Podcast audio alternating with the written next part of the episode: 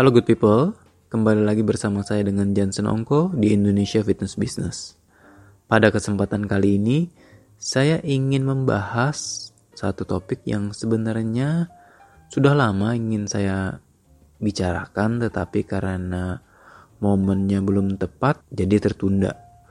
Nah, tapi kemarin pas banget ada partner saya, orang yang benar-benar memiliki andil besar di suksesnya Fitness Embassy datang ke Makassar untuk berkunjung dan melihat perkembangan Fitness Embassy Makassar membuat saya ingin mengangkat topik ini. Jadi ini adalah momen yang tepat ya, bisa dibilang begitu. Jadi ada yang disebut dengan law of attraction bahwa kita akan menarik energi yang memiliki atau satu frekuensi dengan kita. Nah, topik yang ingin saya angkat itu berhubungan dengan tolong menolong, ya betul. Dan judulnya dibantu untuk membantu. Jadi begini, eh, dalam perjalanan saya mendirikan Apki dan Fitness Embassy, pada awalnya saya sangat anti ya untuk meminta pertolongan dari orang lain karena merasa mampu sendirian dan merasa belum tentu orang lain bisa membantu apa yang sedang saya bangun. Karena hal tersebut saya lakukan sehingga perkembangan dari asosiasi dan fitness studionya sendiri agak pelan kalau bisa dibilang ya. Padahal momen yang apa ya yang memberikan dampak terhadap kesuksesan fitness embassy itu sendiri adalah saat saya akhirnya memutuskan untuk menerima bantuan dari seseorang. Jadi saya merasa bahwa menerima bantuan itu seperti tangan di bawah lah. Ada istilah yang lebih baik menjadi tangan di atas daripada yang di bawah Itulah konsep yang saya pegang. Tetapi membutakan mata saya bahwa menerima pertolongan atau kadang menaruh tangan di bawah itu sebenarnya memiliki tujuan yang lebih jauh dan tujuan tersendiri. Jadi begini, saat saya menerima bantuan berupa keringanan dalam memperoleh alat saat fitness embassy ekspansi, itu saya sangat merasa terbantukan sekali. Memicu saya untuk lebih bersemangat untuk menolong orang lebih banyak lagi. Nah, orang tersebut bernama Pak Oki dia tinggal di Solo dan sering kali mondar-mandir ke Yogyakarta. Nah, beberapa tahun yang lalu saya bertemu beliau di Yogyakarta dan beliau memang bergerak di bidang importir alat fitness dari China ya dengan brand Sua. Jadi saat itu saya bertemu hanya sekedar ya bertemu saja. Kebetulan diundang oleh beliau dan saya ketemu dia bertanya apa itu APKI dan saya menjelaskan panjang lebar tentang APKI itu sendiri. Kemudian karena dia merasa tertarik dan merasa wah hebat sekali visi misinya APKI itu ternyata sejauh ini dia bilang. Kemudian adalah ucapan apa yang bisa saya bantu mas tidak ada saat ini pak karena saya juga seorang perantauan ya jadi inginnya mandiri terus inginnya semua dikerjakan sendiri terus. Jadi saya merasa belum ada waktu itu. Kemudian Pak Oki insis atau agak sedikit memaksa secara halus lah. Dia mengatakan bahwa kita bisa bantu dari segi alat katanya. Oh, kalau misalnya mas mau ekspansi atau misalnya ingin beli alat baru itu bisa melalui kami katanya setelah itu saya tanya memang sistemnya bagaimana? Dan lain-lain. Nah, dari situ beliau menawarkan bagaimana kalau saya berikan keringanan? Karena saya suka dengan visi dan misinya Apki. Jadi saya bilang ya saya pikir-pikir dulu deh pak. Beberapa waktu kemudian saya ngerasa wah kenapa enggak nih memberanikan diri untuk mengambil tawaran tersebut.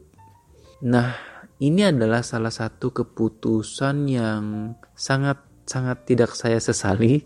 Akhirnya saya membuka tangan untuk dibantu.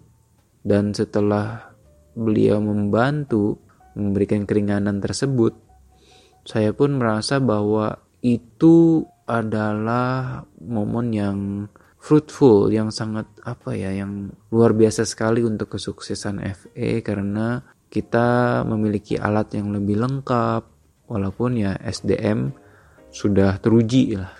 Ditambahkan dengan alat yang kualitas premium di situ respon dari klien-klien yang sudah ada pun sangat positif.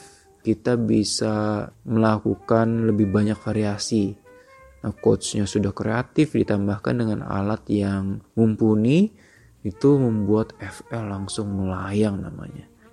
Ini adalah salah satu keputusan yang fenomenal sebenarnya gitu loh. Jadi ego saya yang mengatakan tidak untuk dibantu itu justru keliru.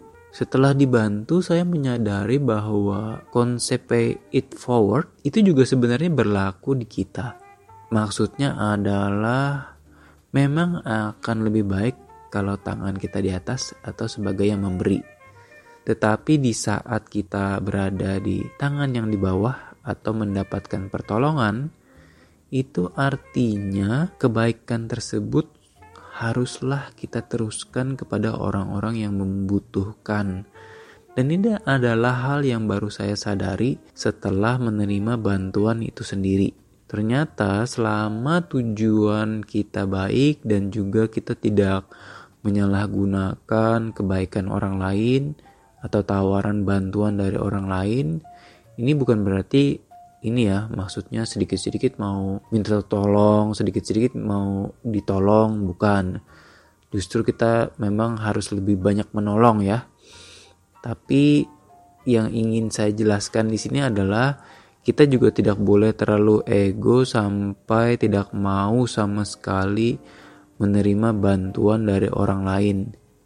Karena begini, ada hal-hal yang memang tidak bisa kita kerjakan sendirian. Atau misalnya kita menerima bantuan dari orang lain, itu akan sangat membantu terutama dari segi waktu atau dari segi tenaga sehingga tujuan kita akan lebih mudah untuk dicapai. Nah, bentuk bantuan itu sendiri bisa berbentuk tenaga, bisa berbentuk bantuan apa pun itu. Ya, seperti contohnya yang saya dapatkan ini adalah keringanan dari cicilan alat dan yang saya ketahui memang sangat jarang sekali ada produsen alat yang mau memberikan cicilan yang sangat ringan ya dan itu wah luar biasa. Saya saya benar-benar apresiasi sekali dengan apa yang telah Pak Oki berikan kepada saya. Waktu beliau ke Makassar saya menanyakan apakah Pak Oki tertarik atau bukan tertarik sih saya meminta sebenarnya. Saya meminta kepada Pak Oki bahwa bisa nggak ya kira-kira alumni APKI diberikan kemudahan yang kurang lebih sama apa yang telah saya dapatkan saat itu.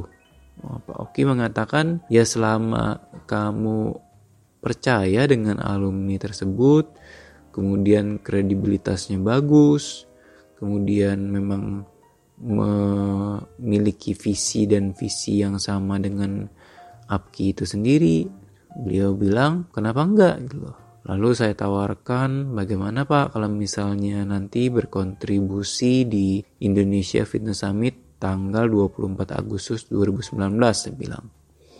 Beliau mengatakan saya akan dengan senang hati bertemu dengan para alumni.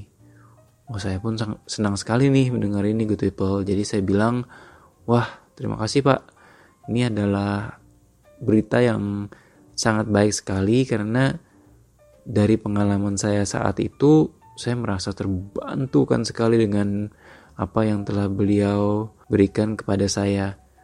Jadi harapan saya adalah bagi pendengar yang juga merupakan peserta dari Indonesia Fitness Summit, usahakanlah bertemu dengan beliau dan berbicara, berdiskusi, karena kebetulan beliau memiliki jiwa entrepreneur yang sangat baik sekali. Nah, kembali lagi ke topik tentang bantu-membantu itu tadi ya. Jadi, yang ingin saya jelaskan adalah baik itu konsep law of attraction apabila kita berbuat baik mendatangkan kebaikan kemudian pay it forward itu sebenarnya ada unsur yang kita sebut dengan take and give ya nah unsur take and give itu sendiri bukan berarti dapat diukur seperti satu banding satu bukan jadi yang ingin saya sampaikan di sini adalah fokuslah dalam memberi tetapi jangan menutup mata atau telinga untuk menerima bantuan itu sendiri. Jadi seperti yang sudah saya jelaskan pada beberapa saat yang lalu, jangan lupa di saat kita menerima bantuan dari orang lain itu pertanda kita harus menjadi penerus kebaikan tersebut. Jadi jangan sampai keliru ya good people bahwa kebaikan orang jangan sampai stop di tangan kita. Kita justru harus meneruskan kebaikan tersebut. Nah, tadi saya bahas juga bahwa bantuan itu tidak berbentuk finansial saja. Artinya, kalaupun misalnya kita tidak bisa membantu orang lain dengan finansial atau monetary value, bahkan dengan sekedar mengulurkan atau memberikan bantuan secara fisik, tersenyum kepada siapa saja, gestur-gestur kecil yang terasa sebenarnya simple, tetapi itu dapat memberikan efek yang besar kepada orang lain. Contohnya, saya hanya mendapat sekedar cicilan, tapi di saat yang tepat itu menjadi huge help atau bantuan yang luar biasa besar untuk saya. Walaupun ini ya bukan berbentuk cash atau bukan berbentuk apa pun hanya berbentuk cicilan saja tapi itu udah sangat-sangat membantu sekali. Jadi sangatlah baik apabila misalnya good people mau untuk terus berbagi baik hal yang kecil yang dianggap kecil ya atau besar sekalian karena kita tidak tidak pernah tahu apa yang akan terjadi terhadap hidup dari orang yang kita bantu. Begitu juga saat orang membantu kita, mereka juga tidak pernah akan ada ekspektasi berlebih bahwa itu akan menjadi sangat-sangat helpful sekali untuk diri kita. Jadi kuncinya adalah membantu untuk dibantu, dibantu untuk membantu. Karena artinya konsep take and give itu infinite atau abadi. Jadi saran saya adalah mulailah terus memberi karena mereka yang akan membantu kamu akan datang pada saat yang tepat. Itu saja pembahasan saya pada topik kali ini. Sederhana tapi saya yakin akan memberikan dampak positif yang sangat besar sekali apabila memang cocok didengarkan pada saat yang tepat. Semoga bermanfaat dan sampai jumpa di lain kesempatan.